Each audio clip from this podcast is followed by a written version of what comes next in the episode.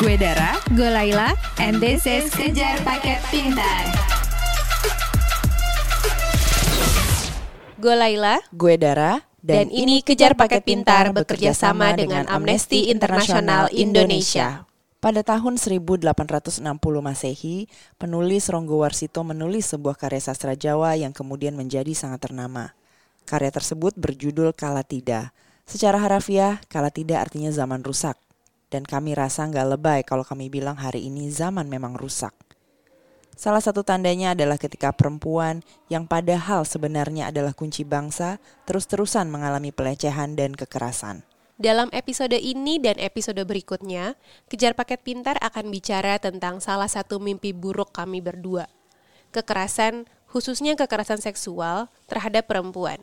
Sebagai peringatan, dalam dua episode ini kami akan menghadirkan empat kisah nyata tentang kekerasan dan kekerasan seksual pada perempuan yang mungkin bisa bikin gak nyaman beberapa orang.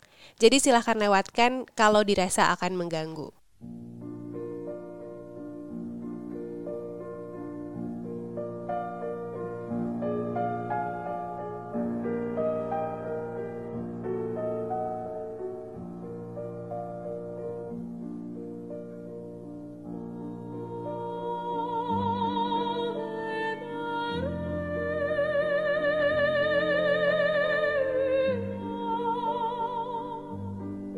Ayu adalah teman gue dan Laila yang kami kenal sejak SMA. Anaknya seru, asik, rame dan yang pasti mandiri banget. She's also very free-spirited and easygoing. Kami nggak pernah menyangka bahwa ketika kuliah, Ayu pernah pacaran dengan seseorang yang sangat menekannya, termasuk untuk melakukan hal-hal yang gak ingin dia lakukan. Ini adalah kisah teman kami Ayu tentang toxic relationship-nya dinarasikan oleh Nadine Ramelan pacaran sama si brengsek ini adalah sebuah fase dalam hidup gue yang paling males sih buat gue inget-inget lagi. But here goes. Waktu gue masih kuliah di semester-semester akhir, gue pacaran dengan seorang senior di kampus. Kita sebut aja namanya Indra ya. Dan jujur, kalau sekarang ditanya, kenapa sih bisa tertarik sama Indra, gue bener-bener gak inget kenapa sih gitu? Apa yang bikin kok gue mau nih sama Indra? Orangnya nggak jelek. Itu yang pertama. Diajak ngobrol juga asik dan kelihatannya sih nggak jahat gitu. Maksudnya nggak ada niatan mencelakai orang demi keuntungan dia sendiri. Itu nggak kelihatan. Tapi kalau diinget-inget sekarang kayaknya tuh hubungan kami rasanya nggak ada faedahnya buat gue sama sekali. Kita nggak ada pertukaran ide yang kritis dan seru. Nggak ada kesamaan selera humor. Pokoknya gak ada faedahnya deh. Gak ada yang bener-bener berarti buat gue. Tapi ya dia ngajak pacaran dan guanya mau. Si Indra ini selalu pengen dilihat sebagai laki-laki yang taat beragama. Rajin sholat, taat perintah agama, dan ngelindungin pasangannya. Tapi saking ngelindunginnya, dia sampai posesif. Indra itu gak karuan deh posesifnya ke gue. Dia juga nuntut banyak banget waktu gue, cuman buat nemenin dia doang jadi dia ngelarang gue nongkrong sama temen, ngerjain tugas di kampus, dan banyak lagi deh. Yang nyebelin, Indra ini ngelarang-larang gue pakai dalil agama. Dia nyuruh gue untuk selalu nurut sama dia, menggunakan fikih agama yang menyatakan bahwa perempuan harus nurut kepada laki-laki. Lah, padahal kan gue bukan istri dia. Cuma pacaran juga. Memang, sekarang ini pas gue sadari Indra ini selalu cherry picking alias mengutip hadis atau ngambil pesan-pesan agama tapi setengah-setengah doang. Dia milih hadis atau ayat yang dirasa akan nguntungin dia aja. Pemahamannya dia terhadap Islam juga dangkal. Tapi dia selalu mencitrakan dirinya sebagai seseorang yang jauh lebih tinggi ilmu agamanya. Gak cuman melarang, dia juga sering bersikap merendahkan atau condescending. Dia bilang gue harus nurut sama dia, karena menurutnya gue bukan muslimah yang baik. Sementara Indra merasa punya ilmu agama yang lebih tinggi dari gue. Dia juga bilang, teman-teman gue pada nggak beres dan ngebawa pengaruh jelek. Dan kalau kami bertengkar soal ini, dia selalu beralasan bahwa dia melakukan itu karena peduli sama gue. Indra bilang, sebagai laki-laki, dia tahu apa yang baik buat gue, apalagi usianya lebih tua beberapa tahun di atas gue. Memang, setelah gue sadari sekarang, dia manipulatif banget. Satu saat nih, gue ingat banget Waktu itu gue sama teman-teman kuliah harus ngerjain tugas akhir kelompok. Dan kami butuh mewawancarai seorang narasumber yang kebetulan adalah temannya Indra. Terus Indra pun mengoneksikan kami dengan teman itu. Setelah itu, beberapa hari saat kemudian gue sama Indra bertengkar. Dan dengan noraknya, dia mensabotase tugas kelompok gue dengan cara diem-diem ngebatalin janji wawancara kami dengan temannya. Ngehe banget kan? Sampai putus pun, Indra nggak pernah mau ngaku bahwa dia mensabotase tugas kuliah gue. Padahal temennya sendiri udah jujur bahwa Indra yang bikin batal itu wawancara secara sepihak. Tapi hal yang paling membuat gue terganggu adalah perilaku Indra yang munafik. Indra rajin sholat, betul. Suka baca buku-buku agama dan datang ke kajian. Tapi bertentangan dengan apa yang diajarkan agama, dia mengajak gue melakukan seks di luar pernikahan. Kami pertama kali melakukan seks di luar pernikahan setelah 2-3 bulan pacaran lah. Dan abis pertama kali kita ngelakuin, perasaan gue tuh aneh banget. Campur aduk. Dan yang pasti gue ngerasa dosa besar. Tapi gue berusaha menekannya dengan berpikir, gak apa-apa kok. Gue melakukannya dengan orang yang rasanya bisa cukup bertanggung jawab dan peduli sama gue. Setelah itu, seks jadi rutinitas dan Indra yang selalu mengajak rutinitas seks kami ini sangat mengganggu pikiran gue sih.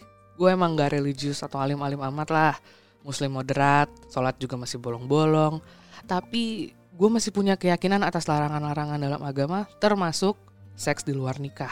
Ditambah Indra itu kenceng banget nampilin citra religius yang tentu saja bertentangan dengan aktivitas seksual yang dia suapin ke gue. Semua itu membuat gue bingung dan terganggu. Lo mungkin bertanya, Kenapa gue mau diajak berhubungan seksual secara rutin? Padahal katanya gue terganggu, gue setengah terpaksa, gak sepenuhnya bahagia dengan Indra. Dulu gue selalu jawab karena karakter gue yang gampang dilemahkan. Gue submisif, gak enakan, people pleaser, dan paling takut bikin orang marah. Dan gue gak suka cari ribut. Makanya waktu itu gue selalu ngiyain aja deh ajakan Indra. Karena kalau gue nolak, pasti Indra marah. Tapi sekarang gue paham gue gak bisa nyalahin diri gue sendiri. Indra itu emang laki-laki egois, manipulatif, controlling, dan intimidatif. Salah satu cara Indra memanipulasi perasaan gue adalah dengan selalu menampilkan dirinya sebagai korban broken home. Ayah dan ibu Indra sering bertengkar sampai mau cerai. Dan sebagai anak sulung, dia ngerasa nih punya beban harus ngelindungin ibu sama adik-adiknya. Dia selalu nekenin hal ini ke gue. Dia juga selalu menekankan bahwa gue adalah partnernya dan kalau mau jadi partner yang baik, gue harus selalu hadir ketika dia sedih, supaya dia kembali nyaman dan senang gimana pun caranya, termasuk dengan seks.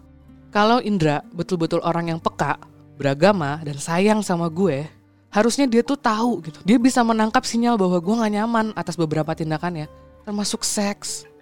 Yang paling bikin gue mau muntah adalah setiap selesai berhubungan seks, Indra ngajak gue sholat berjamaah bagi gue itu najis, jijik banget. Entah gimana jalan yang logika dia tuh gue nggak ngerti. Dan kalau dipikir-pikir sekarang, sebenarnya gue pengen banget teriak di mukanya, lo munafik banget anjing. Gue pernah ngomong ke Indra secara halus. Inti omongan gue adalah, apa lo gak ngerasa aneh ya melakukan seks bebas yang lo tahu adalah dosa, tapi lo berusaha menjustifikasinya dengan sikap yang penting sholat lima waktu. Lo tahu jawaban Indra apa? Dia nyalahin gue dia bilang, dia udah minta gue untuk nikah cepet. Tapi guanya yang gak mau. Karena masih kuliah. Masih mau cari kerja dulu. Jadi menurut Indra, gue yang sebetulnya memperpanjang dosa ini. Si bangsat emang. Satu hari kita lagi berantem. Terus dia ngaku badannya gak enak. Sampai harus masuk rumah sakit buat dirawat. Seingat gue, sakitnya tuh cuma demam-demam biasa aja. Gue bahkan curiga. Kayaknya sakitnya cuma buat cari simpati gue aja deh. Karena ya karena sebelumnya berantem gitu pas gue jenguk dia di rumah sakit, lo tau dia ngapain? Dia minta gue melakukan sedikit aktivitas seksual. Hati gue tuh nolak banget. Gue gak nyaman dan gue gak mau. Tapi ya kayak biasanya gue gak bisa gitu nolak tegas terus gue main pergi aja. Karena gue anaknya emang takut dan gak enakan kan. Lo tahu akhirnya gue cuma bilang, Duh masa di sini sih? Indra pun ngambek dan gue males berantem dan akhirnya terjadilah aktivitas seksual paling gak nyaman dalam hubungan gue itu. Indra juga emosional dan kasar. Meski gak pernah nyakitin gue secara fisik, dia intimidatif. Kalau dia marah-marah, dia sering banting atau nonjok barang. Kalau gue minta putus, dia akan ngerengek terus, minta maaf. Siklusnya tuh gitu terus. Dan gue inget banget, tiap kali gue selesai berantem sama dia, Indra selalu bersikap super manis dan ujung-ujungnya minta seks. Walaupun sebetulnya gue sering malas melakukan cumbuan-cumbuan najis itu, apalagi cumbu-cumbu pasca berantem itu sebenarnya hanya konsolidasi palsu. Kami seakan-akan rujuk, padahal inti penyebab pertengkarannya gak pernah selesai. Dan untuk hindarin seks dengan Indra, kadang-kadang gue bohong. Gue bilang gue lagi menstruasi, bahkan sebelum ada ajakan dari dia. Ternyata di alam bawah sadar gue, gue takut diajak make love sama Indra. Belasan tahun lalu itu, gue gak punya wawasan soal pacaran toksik, kelakuan patriarkal, gaslighting, mansplaining, date rape, pokoknya segala kekerasan dalam pacaran secara fisik maupun psikologis, gue gak ngerti. Edukasi tentang hal tersebut tuh gak ada. Bahkan sekarang pas gue sadari, gue baru tahu itu yang selama ini gue hadepin sama Indra. Gue baru sadar yang gue alamin itu masuk ke dalam spektrum kekerasan seksual. Gue mengalami apa yang namanya date rape. Suatu hari gue ke mall nih, nggak nggak sadar aja gitu. Gue jalan ke toko buku dan ngambil buku. Lo tahu buku apa yang gue ambil? Judulnya Perkosaan Atas Nama Cinta. Gue bener-bener kayak kesirep. Gue nggak tahu pengertian apa pun tentang kekerasan dalam pacaran. Gue nggak tahu kalau gue mengalami date rape. Tapi alam bawah sadar gue yang berteriak. Harusnya saat itu gue ngeh kalau diri gue cari pertolongan untuk keluar dari hubungan dengan Indra. Tapi lagi-lagi manipulasi Indra ini benar-benar neken gue. Sampai gue sendiri gak peduli sama diri sendiri. Kalaupun dulu itu gue sadar gue mengalami kekerasan dalam pacaran, gue mau ngelapor ke mana juga. Gak ada tuh komunitas pembela hak perempuan kayak sekarang. Gue gak kenal dengan Komnas Perempuan ataupun jenis lainnya. Mau lapor ke orang tua nih, udah pasti gue bakal malah dikawinin sama Indra karena gue sudah berzina sama dia. Setelah satu tahun pacaran, akhirnya gue minta putus karena gue udah gak sanggup. Alhamdulillahnya, gue gak ngerasa trauma dan rasanya bisa menjalani hidup dengan baik-baik aja selepas dari Indra. Cuma gue masih marah banget kalau ngingat sosok Indra. Gue sebenarnya gak sanggup sih ceritain kisah ini secara lengkap. Dan kadang gue juga masih nyalahin diri sendiri dengan mikir bahwa kayaknya semua ini terjadi karena gue gak taat beragama. Bahkan setelah gue putus dari Indra, gue memutuskan untuk pakai jilbab. Karena ngerasa harus nebus dosa-dosa yang gue perbuat sama dia. Tapi hati kecil gue nolak self-blame itu. Dan justru percaya kalau orang-orang seperti Indra itu muncul karena racun-racun tafsir agama yang toksik. Juga karena racun-racun patriarki yang kental dan subur di masyarakat.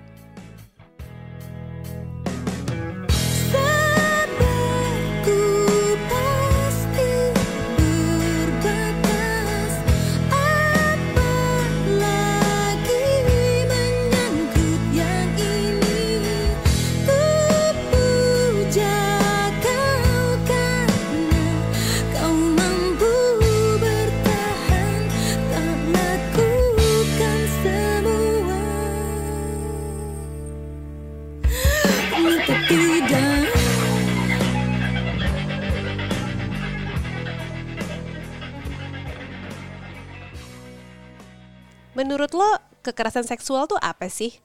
Apakah cuma perkosaan? Berikut penjelasan Ibu Azriana Manalu dari Komnas Perempuan. Dan kekerasan seksual yang dialami ini bentuknya itu sangat beragam gitu. Jadi bukan sekedar perkosaan sebagaimana yang ada di KUHP atau perbuatan cabul gitu ya. Ternyata itu berkembang jauh dari eh, lebih da, eh, apa lebih luas dari itu. Eh, kita menemukan kalau pakai kerangka instrumen hak asasi manusia itu ada 15 bentuk atau 15 jenis kekerasan seksual yang kita temukan terjadi dalam 10 tahun itu. Menurut pengamatan Komnas Perempuan dari tahun 2001 sampai 2011, ada 15 jenis kekerasan seksual yang umum terjadi sekarang ini. Jadi nggak cuma perkosaan dan pelecehan loh. Beberapa di antaranya adalah intimidasi seksual, pemaksaan perkawinan, pemaksaan kehamilan, pemaksaan aborsi, dan pemaksaan kontrasepsi.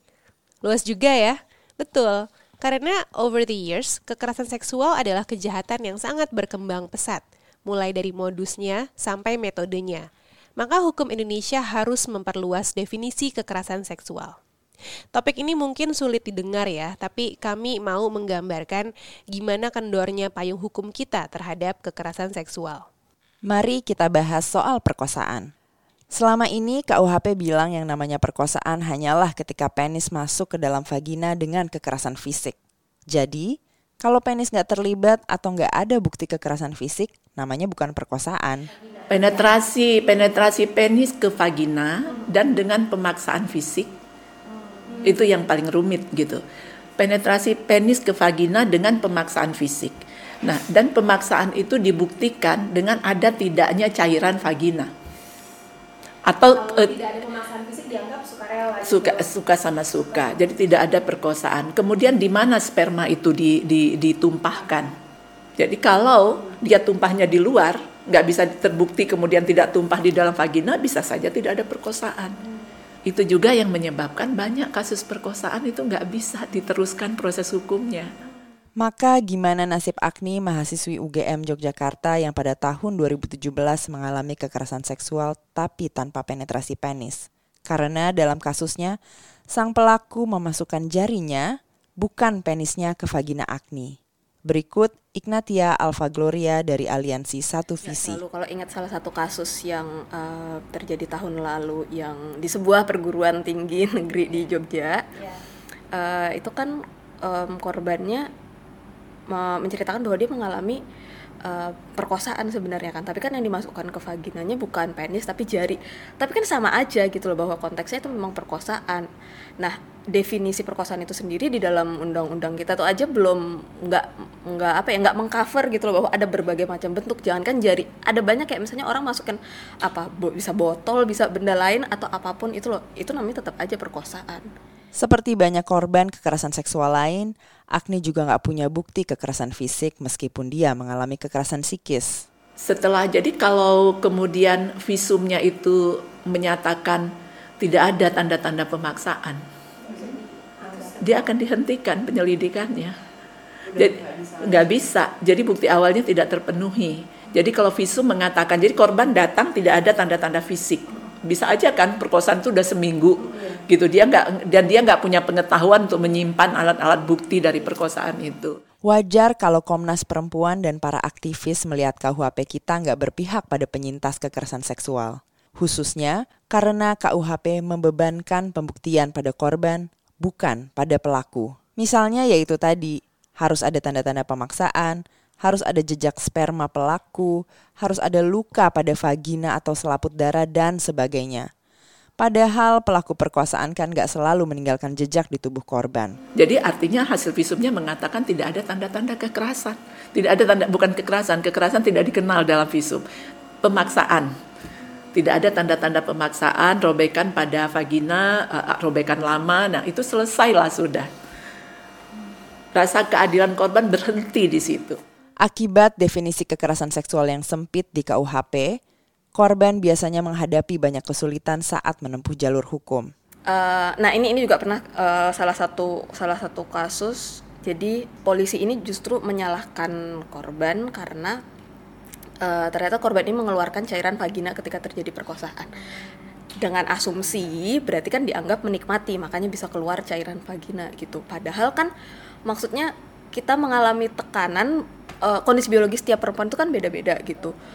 Memang nih misalnya kayak di beberapa di beberapa eh, hal kita kan sering dikasih itu kayak misalnya ya ketika kamu relax dan enjoy akan akan keluar cairan seksual eh, ca- cairan vagina gitu atau ketika kamu nggak berarti kan art- artinya ketika kamu nggak enjoy nggak keluar. Tapi lo tubuh setiap orang itu kan berbeda-beda gitu. Itu bisa jadi salah satu bentuk mekanisme pertahanan diri gitu. Karena misalnya kemasukan benda asing dan sakit. Kemudian secara biologis vagina itu mengeluarkan eh, cairan gitu sebagai sebagai lubrikasi gitu. Nah itu kan bukan berarti dia menikmati. Dia tetap nggak menikmati. Hanya secara biologis memang itu terjadi gitu. Dan ya tetap aja tuh namanya perkosaan gitu kan Yang bikin tambah miris saat melapor ke aparat korban kekerasan seksual juga sering nggak dipercaya.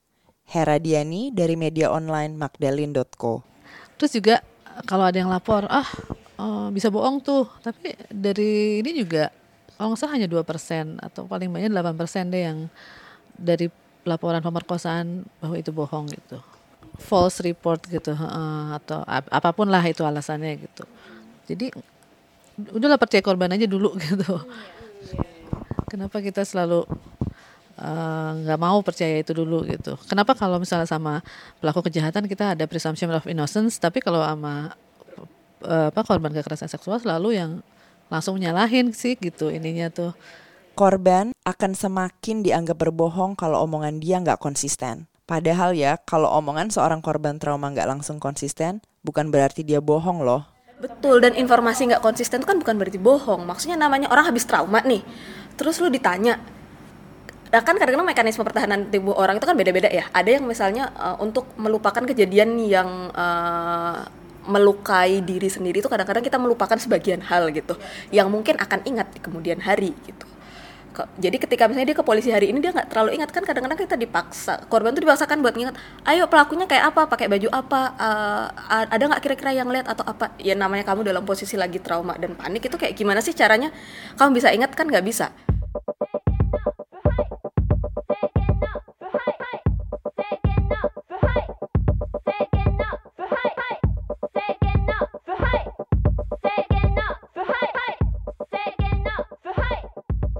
Ada yang masih ingat film Posesif? Posesif adalah sebuah film yang menceritakan tentang toxic relationship antara sepasang anak muda, Yudis dan Lala.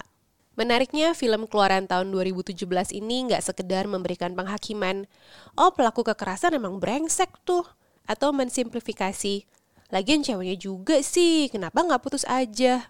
Film ini justru menunjukkan betapa rumitnya toxic relationship dan betapa sulitnya keluar dari hubungan tersebut. Karena sering kali gestur cinta dan perlakuan buruk sangat mirip. Nggak heran kalau menurut data Komnas Perempuan, di tahun 2016 ada 2.734 kasus kekerasan dalam pacaran.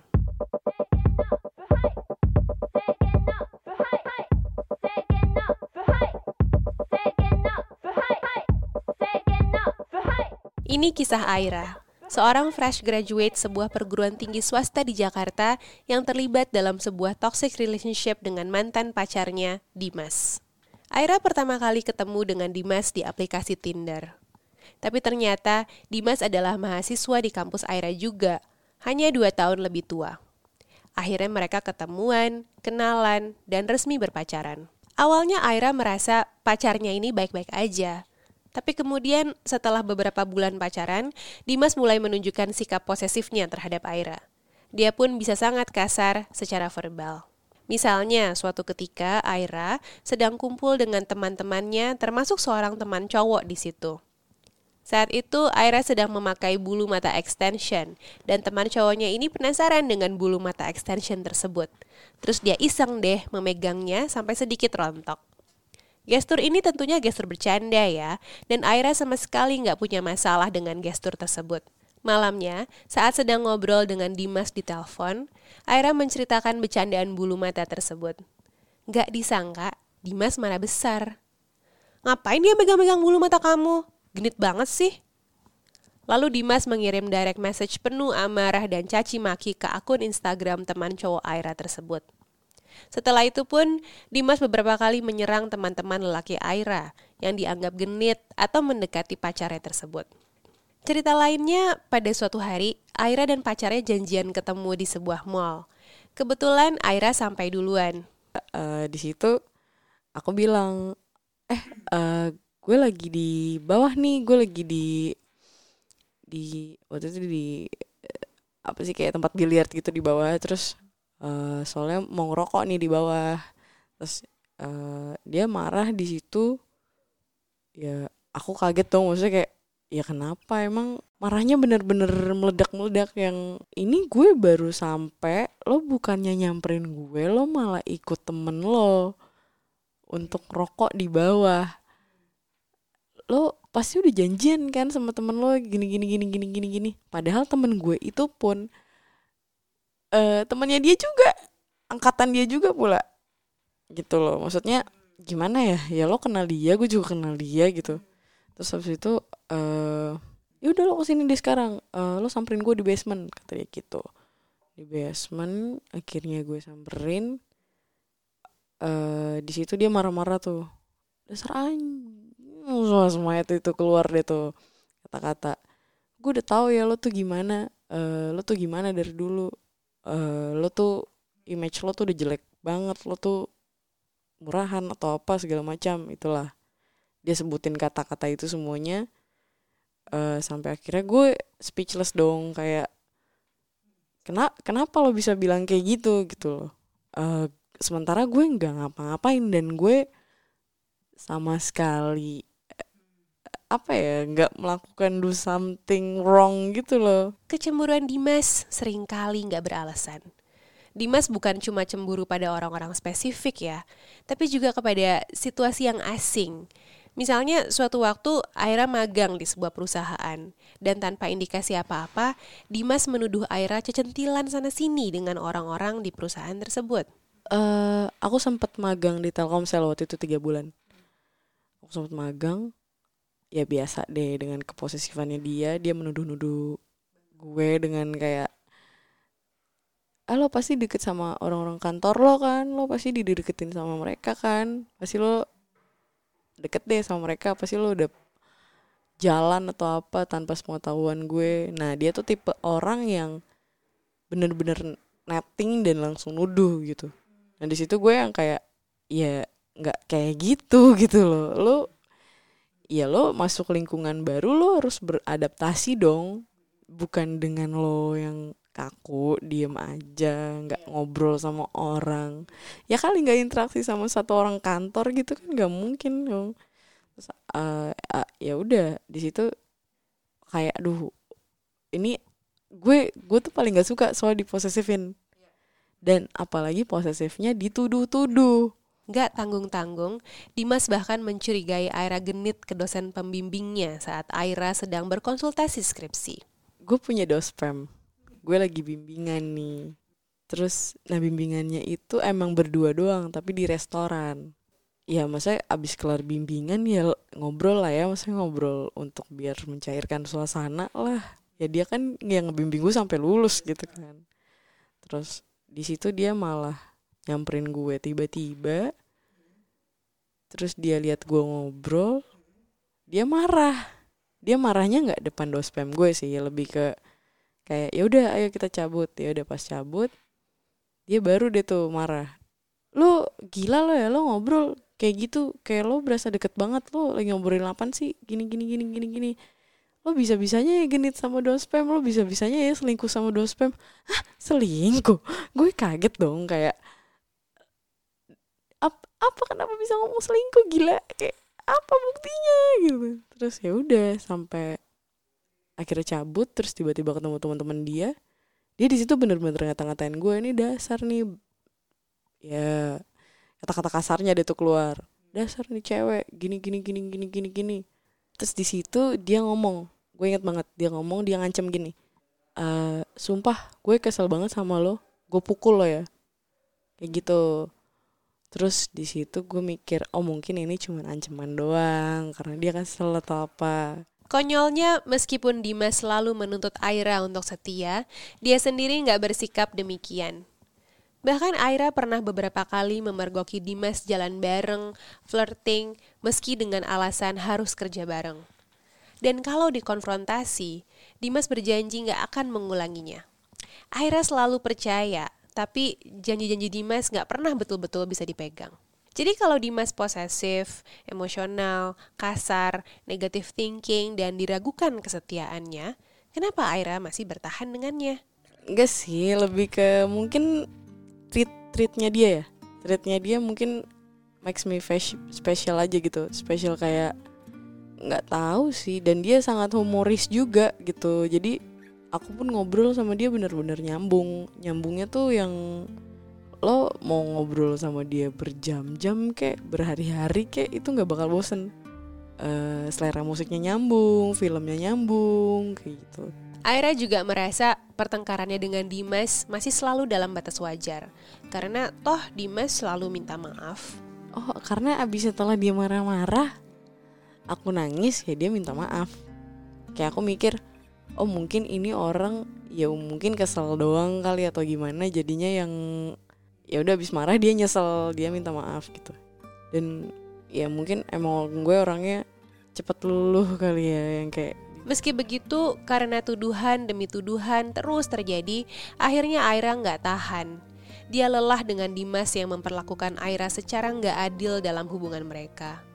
Aira pun memutuskan untuk mengakhiri hubungannya dengan Dimas. Kayak dia marah-marah nih malamnya. Besok paginya nanti dia bakal minta maaf. Dan minta maafnya tuh yang bener-bener yang "Eh, ya udah aku minta maaf ya. Aku mau balikan lagi sama kamu.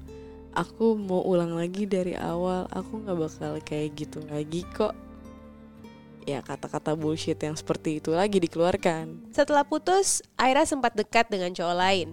Dan Dimas mengaku sakit hati, meski Dimasnya sendiri pun sempat flirting dan bahkan one night stand dengan perempuan lain. Tapi pada suatu hari, Aira bertemu Dimas dan mantan pacarnya tersebut memohon untuk balikan. Aira dan Dimas pun menjalin hubungan kembali. Aira berharap ada perubahan di diri Dimas. Tapi baru sebulan pacaran kembali, Dimas menunjukkan gelagat aneh. Misalnya, jarang mau mengeluarkan handphonenya depan Aira. Suatu hari, Dimas sakit dan dia meminta Aira datang menemaninya. sempet sakit dia demam banget dia bilang gini "Eh, ayo dong temenin aku aku aku mau aku mau bobo nih sama kamu aku pengen boboan sama kamu aku pengen manja-manja sama kamu kayak gitu gitu eh ya udah yuk terus abis itu aku pijitin dia segala macam gitu gitu deh. Akhirnya dia tidur. Nah handphonenya ini sebelah aku. Ya aku kepo dong kayak ini kayaknya feeling gue nggak enak dan kayaknya ada something deh gitu. Ya udah buka. Pas buka ketahuan ternyata dia selingkuh. Sebenarnya belum pacaran sih cuman dia masih deketin itu cewek gitu dan chatnya yang yang gimana sih yang yang udah ngabarin ke mana-mana yang gitu-gitu yang udah makan apa belum eh teleponan yuk gitu-gitu Setelah Aira melihat percakapan Dimas dengan perempuan lain itu, dia tentunya marah dan sakit hati. Dia memutuskan untuk langsung pergi aja tanpa memberitahu Dimas yang sedang tidur. Tapi saat Aira beranjak, Dimas bangun. Aira pun langsung mengkonfrontasi chat tersebut. Dan Dimas mengelak habis-habisan, malah membalikkan fokus permasalahan. kenapa? Kenapa kok mau cabut? Ya ngapain? Buat apa di sini? Eh lu udah selingkuh juga? Kayak gitu. Terus masih ngelak awalnya. Dia buka handphonenya sendiri akhirnya oh jadi lo lancang ya buka-buka handphone gue sementara gue lagi sakit nih gue lagi tidur lo malah ngebongkar handphone gue dasar kurang ajar lo bla bla bla bla bla Dimas beralasan dia mendekati perempuan lain karena Aira sempat memutuskan hubungan mereka, lalu bisa dengan cepat dekat dengan cowok lain. Dimas bilang dia takut kalau dalam hubungan mereka yang sekarang, Aira bakal minta putus lagi. Maka Dimas ingin mencoba membuka hati untuk orang lain sehingga dia nggak akan terlalu sakit hati kalau mereka putus lagi. Masuk akal nggak? Menurut kami jelas enggak. Aira juga menganggap alasan tersebut nggak masuk akal. Karena peristiwa ini, mereka bertengkar berhari-hari. Menurut Aira, Dimas sudah sangat merusak kepercayaannya. Aira memberi ultimatum.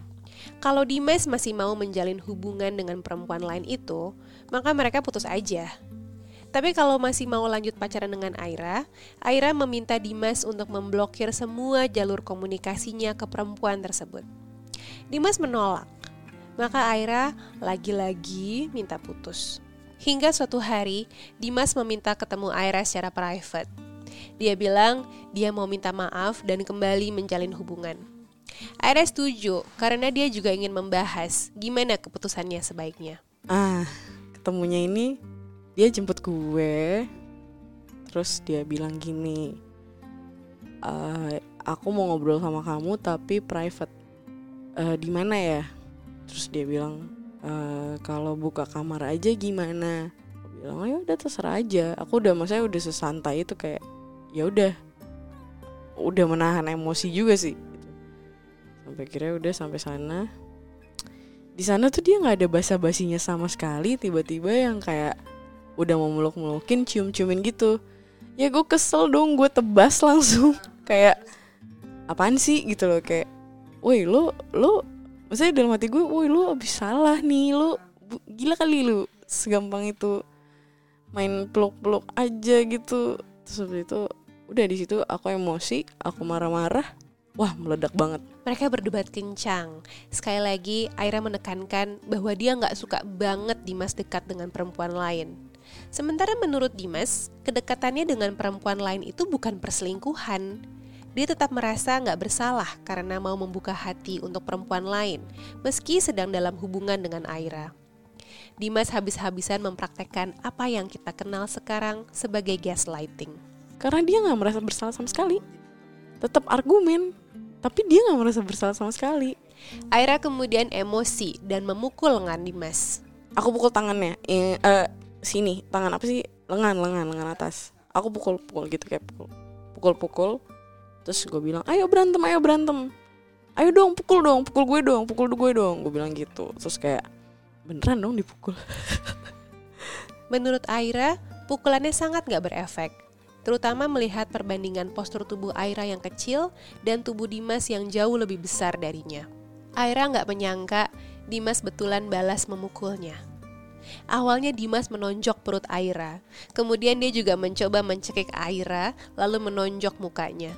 jadi dia nyekek aku berkali-kali nyekek aku berkali-kali sampai nggak bisa nafas baru di, dilepas oh sempet dia mukulin apa sih kayak mukulin muka aku gitu sampai bibirnya berdarah semua Hah, terus bibir aku berdarah semua terus dia panik dia panik dilap-lapin Mereka pun berantem secara fisik. Aira memukul Dimas dan Dimas memukulnya balik, walaupun kekuatannya nggak seimbang. terus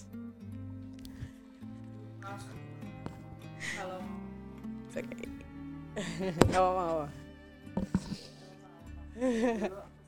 Suka ke bawah gitu soalnya. Setiap Aira berusaha pergi, Dimas akan menjambak dan mendorongnya ke lantai. Pada satu titik, Aira kabur ke kamar mandi. Tapi pintunya digedor oleh Dimas yang berteriak-teriak menyuruhnya keluar. Aira menolak, sampai akhirnya Dimas mengancam akan mendobrak pintu kamar mandi tersebut. Aira akhirnya keluar dari kamar mandi dan kembali berdebat dengan Dimas. Emosi Dimas baru mereda setelah melihat Aira terus menangis kencang. Ia akhirnya bersedia mengantar Aira pulang. Di rumah, Aira langsung tidur tanpa sadar bahwa lebam-lebam mulai terbentuk di badannya. Dan konflik nggak berhenti sampai di situ. Keesokan harinya, Aira bertengkar lewat chatting dengan selingkuhan Dimas sampai-sampai ibu selingkuhannya mengancam mempolisikan Aira. Dimas pun kembali menemui Aira untuk berusaha rujuk. Namun ujung-ujungnya mereka kembali berantem. Malam itu, Aira memutuskan untuk betul-betul menyudahi segala drama ini. Dia stres dan hampir bunuh diri. Dia pun pergi dan menginap di rumah temannya. Enggak, enggak. Aku langsung cabut ke rumah temen. Terus itu eh, aku eh apa? Nah, pas sampai rumah dia, dia kan nyiapin piyama gitu kayak buat tidur gitu kan. Ya udah aku buka baju lah di situ. Nah, pas aku buka baju, aku baru sadar di situ kalau badan aku semuanya biru-biru. Terus ya udah teman aku kaget dong kayak wah gila lo habis ngapain lo habis diapain aja. Aduh ceritanya boleh besok nggak? Gue capek banget nih gue bilang gitu. Yaudah yaudah foto dulu foto dulu foto dulu kata dia gitu. Difotoin lah semua tuh badan-badan gue segala macam udah tidur. Ternyata teman gue itu ngabarin ke nyokap gue dan ke teman-teman gue dia habis dipukulin nih gini gini gini gini Ibu Aira pun jadi tahu kondisi anaknya. Dan karena sudah sekalian, Aira memutuskan untuk speak out lewat media sosial dengan memviralkan foto-foto badan lebamnya. aku terlintas tuh pikiran kayak apa gue share aja ya foto gue di sosmed Eh, biar paling nggak kayak hukuman sosial lah ya buat dia. Maksudnya biar orang-orang tahu oh dia jahat nih. Dan biar cewek-cewek juga aware kalau dia sekacau itu gitu loh. Terus habis itu ya udah aku share. Wah itu viralnya sampai dosen-dosen sampai ya semuanya deh. Bener-bener semuanya bener-bener anak luar kampus pun sampai temen SMA aku pun semuanya tahu Setelah memviralkan foto lebam tersebut, Aira berembuk dengan keluarganya untuk langkah selanjutnya. ya dirembukin deh terus keluarga. Gimana nih kayak apa eh, mau diapain nih gitu. Mau dilanjutin jalur hukum atau gimana? Atau mau diancam doang? Atau gimana deh? Akhirnya eh, bikin surat damai di atas materai kekeluargaan Alasan mereka membuat surat damai itu adalah karena Aira sempat labil dan bingung. Apakah betul langkah berikutnya yang terbaik adalah lewat jalur hukum?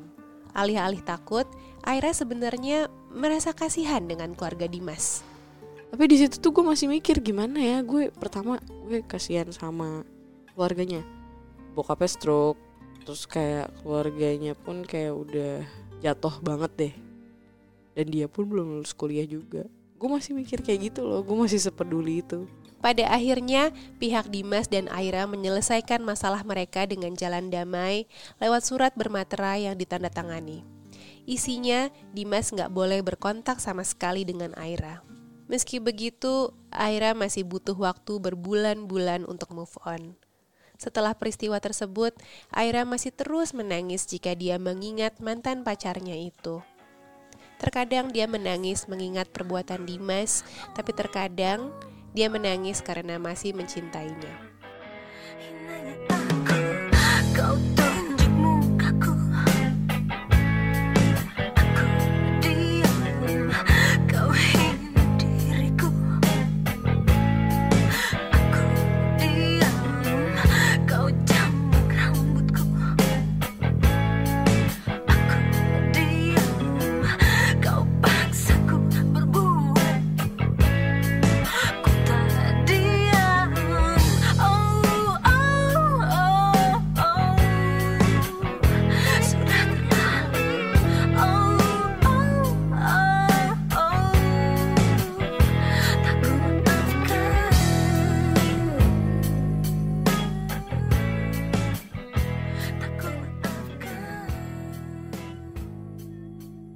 Bicara soal pemahaman penegak hukum soal kekerasan seksual, rasa keadilan dan dampak psikologi kekerasan seksual, Bu Azriana dan Ikna sepakat bahwa masyarakat kita sering kali meremehkan luka batin para penyintas. Bu Azriana berbagi cerita kepada kami tentang sebuah kasus gang rape atau perkosaan berkelompok yang terjadi di Kalimantan Tengah pada seorang anak berusia 14 tahun.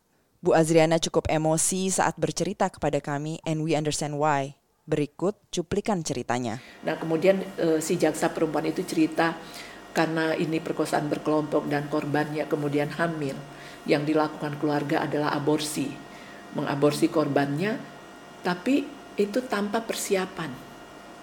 Jadi yang membuat saya eh, apa ya sangat terganggu, apa tidak sangat tidak nyaman dengan cerita itu, itu bukan kasus perkosaannya yang berkelompok itu. Jadi itu pun sudah mungkin kalau itu ya sudah meng- sudah- sudah sangat membuat kita marah. Tapi kemudian bagaimana korban diaborsi? Itu adalah kemarahan berikutnya gitu ya, yang ketika apa mendengar. Jadi dia diperlakukan seperti barang saja, kamu harus aborsi, ya udah pergi aborsi, tidak ada konseling dan tidak ada lagi tidak ada konseling pra dan pasca aborsi. Saya berpikir pernah nggak ya keluarga masyarakat bahkan mungkin penegak hukum mencoba memahami gimana gimana dampak aborsi itu untuk perempuan. Bukan cuma dampak ke organ reproduksinya tapi dampak ke psikologisnya. Itu kan nggak bisa dipahami oleh penegak hukum. Di sinilah perspektif gender itu dibutuhkan gitu. Orang aborsi itu bukan orang seperti orang kena pisau terus di dikasih di per, ple- diperban dikasih obat apa gitu selesai. Nggak kayak gitu. Kan saya membayangkan dan itu masih anak loh umurnya 14 tahun kalau tidak salah. Apa yang dia pahami apa yang akan dilakukan oleh petugas medis itu terhadap tubuhnya? Bu Azriana dan Ikna sepakat, kekerasan seksual adalah kejahatan yang bekas lukanya bisa dalam banget tapi nggak kelihatan oleh mata. Sehingga diperlukan empati besar dan perspektif gender yang menyeluruh untuk bisa memahami psikologi korban, psikologi pelaku, lalu membuat solusi yang tepat. eh ini tuh salah satu hal yang kayak orang itu kan bilang kayak karena mungkin nggak kelihatan lukanya nggak kelihatan itu ada bekasnya. Jadi orang tuh nggak segitu concernnya gitu. Bayangin kalau maksudnya itu kayak apa pembunuhan eh, atau enggak enggak pembunuhan kan orangnya mati ya. Eh, ya anggaplah misalnya apa kecelakaan gitu. Kayak wah kelihatan ini dia ruginya ini kakinya patah jadi nggak bisa kerja ini itu kerugiannya segini banyak. Kalau kayak misalnya korban kekerasan seksual kan dianggap ya kamu besok masuk kerja lagi juga udah bisa kali orang kamu juga nggak luka kenapa-napa gitu. Itu jadi kayak orang tuh yang dilihat itu luka tuh secara fisik gitu. Padahal luka secara mental tuh justru jauh lebih bahaya daripada luka secara fisik itu disembuhinnya gampang luka secara mental itu butuh waktu puluhan tahun Sementara Rika Rosvianti, aktivis dan pendiri komunitas pemerhati pelecehan seksual di transportasi umum berpendapat bahwa tubuh adalah penting karena tubuh adalah rumah kita selamanya. Gimana bisa kita betah hidup di tubuh sendiri kalau kita percaya bahwa tubuh kita sudah rusak akibat kekerasan seksual dan kita sendirilah penyebabnya. tubuh itu adalah hal yang paling private dari kehidupan manusia. Ibaratnya kalau rumah kita kan mesti minta izin ya kalau masuk ke rumah orang gitu dan nggak bisa main masuk-masuk aja karena itu akan dianggap pelanggaran privasi gitu. Eh, orang bisa ganti-ganti rumah, bisa pindah-pindah rumah. Jadi sehingga kalau rumahnya pernah kerampokan dia bisa pindah ke rumah lain. Tapi tubuh kan cuma satu. Itu yang akan ada, itu yang akan jadi tempat tinggal kita sampai kita mati gitu. sehingga eh, itu harganya lebih lebih berharga daripada rumah gitu karena nggak bisa ganti.